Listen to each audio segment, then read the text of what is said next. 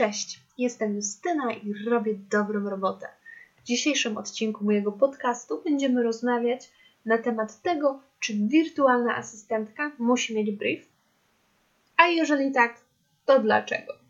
Myślę, że już sam tytuł dał Ci do myślenia i że pewnie znasz moją odpowiedź na to pytanie.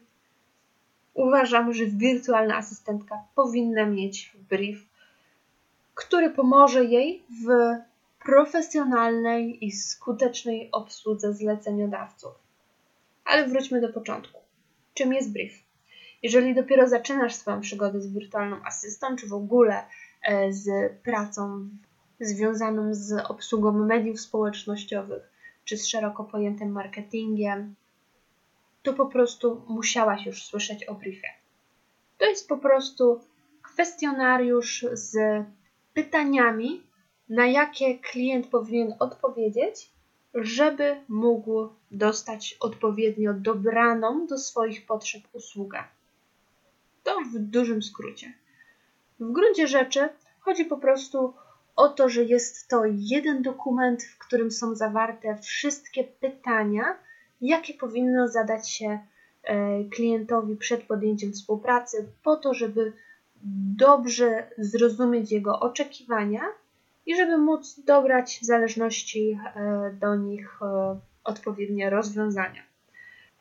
Brief jest pomocny w wielu branżach i w wielu zadaniach, w tym także jest pomocny w branży wirtualnej asysty.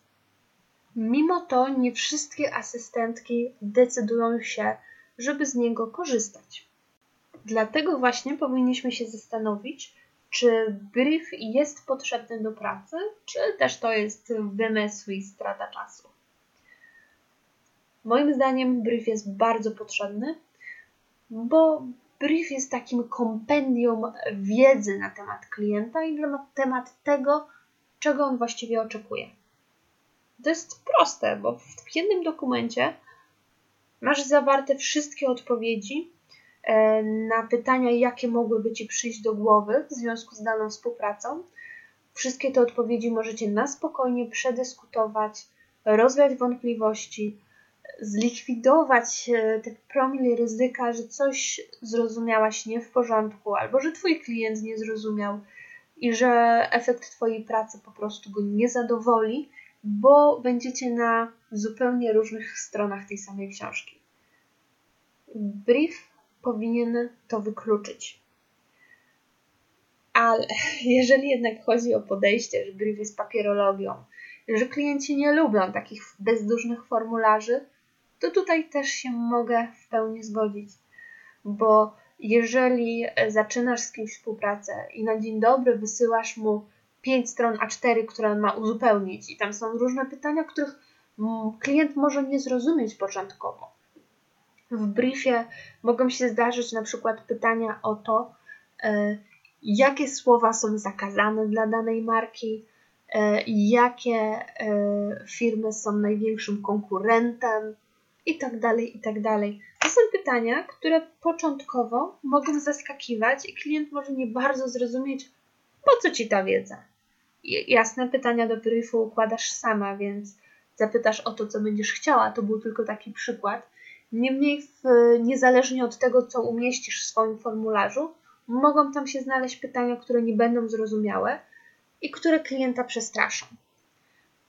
Przestraszyć może też ilość tych pytań, bo z jednej strony brief powinien być możliwie skondensowany, żeby nie odstraszał, no ale z drugiej strony musisz w nim zawrzeć tyle pytań, żeby później co trzy minuty nie, nie wysyłać maili do klienta z pytaniami pomocniczymi brief ma być kompletny, więc mimo, że chce się to jak najbardziej streścić, no to nie zawsze jest to możliwe, żeby zamknąć wszystko w trzech pytaniach. Właściwie to nigdy nie jest możliwe, żeby zamknąć, zamknąć wszystko w trzech pytaniach. Dlatego też całkiem dobrym rozwiązaniem jest traktowanie briefu po prostu jako takie wytyczne do rozmowy z klientem. Możesz przecież rozmawiać z nim i równocześnie sama uzupełniać brief. Po prostu będziesz zadawać pytania w swobodnej rozmowie. Jeżeli klient nie będzie czegoś rozumiał, e, będzie miał wątpliwości, po co ci dana wiedza, to będziesz mogła to wtedy wyjaśnić i doprecyzować po prostu. Dzięki temu Twój klient też będzie czuł się bardziej zaopiekowany i będzie po prostu bardziej zadowolony z tego, jak podchodzisz do tematu Waszej współpracy. Najgorsze, co można zrobić, przynajmniej moim zdaniem, to nie robić briefu w ogóle i pójść na żywioł, albo zostawić klienta sam na sam z takim formularzem. Bo najprawdopodobniej taki klient przestraszy się i ucieknie, bo przynajmniej ja bym tak zrobiła.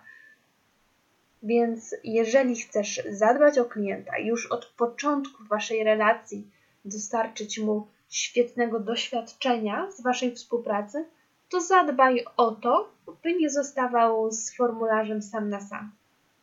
Możecie na przykład uzupełniać go równocześnie rozmawiając przez telefon, umówić się na kawę w mieście, jeżeli to jest klient z tego samego, e, z tego samego miasta co ty. Możecie też po prostu e, być po dwóch różnych stronach komunikatora i równocześnie uzupełniać e, te dokumenty. Możesz też zrobić tak, że Twój klient w ogóle briefu na oczy nie zobaczy, bo w sumie nie musi go widzieć. To dokument jest dla Ciebie. On klientowi nie jest potrzebny.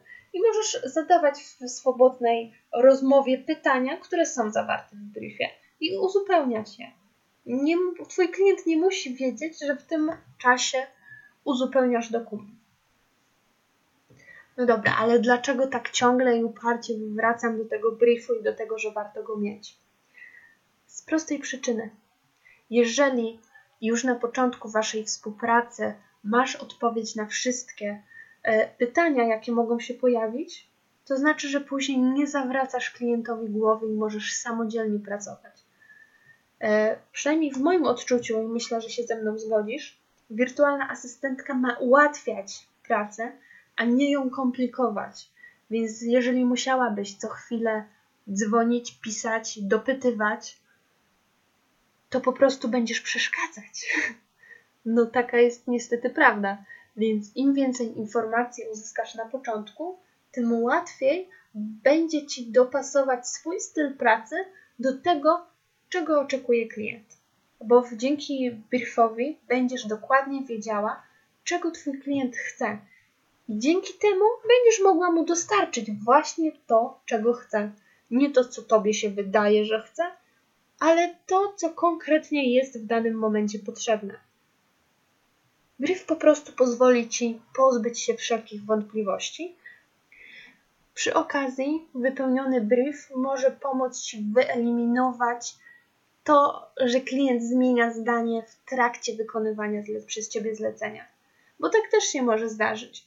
Na przykład, jeżeli piszesz dla klienta teksty i piszesz je według wytycznych z briefu, które Twój klient zatwierdził, no to nie może się stać tak, że pod koniec e, wykonania zlecenia zmienią się frazy kluczowe, czy zmieni się odbiorca, czy też zmieni się cel tekstu.